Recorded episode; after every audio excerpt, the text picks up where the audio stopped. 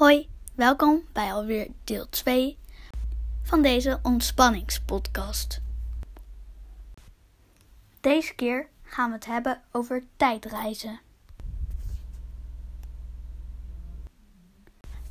Naar welk tijdperk zou je toe willen? Wil je naar de toekomst of naar het verleden? Bedenk maar eens. Misschien wil je wel naar het verleden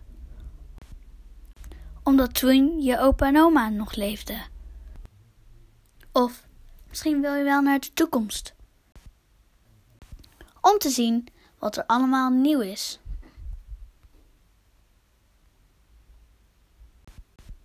En als jij in de toekomst of in het verleden zou wonen, wat zou je dan anders willen? Of wat wil je dat hetzelfde blijft?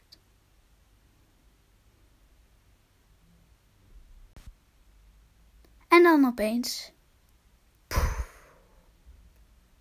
ben je weer in 2020. Bedenk hoe leuk of hoe niet leuk je het vond in de toekomst of het verleden.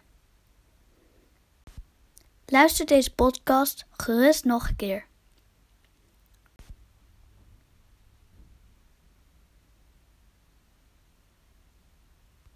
Dit was het einde van mijn podcast. Ik hoop dat je er veel aan hebt gehad.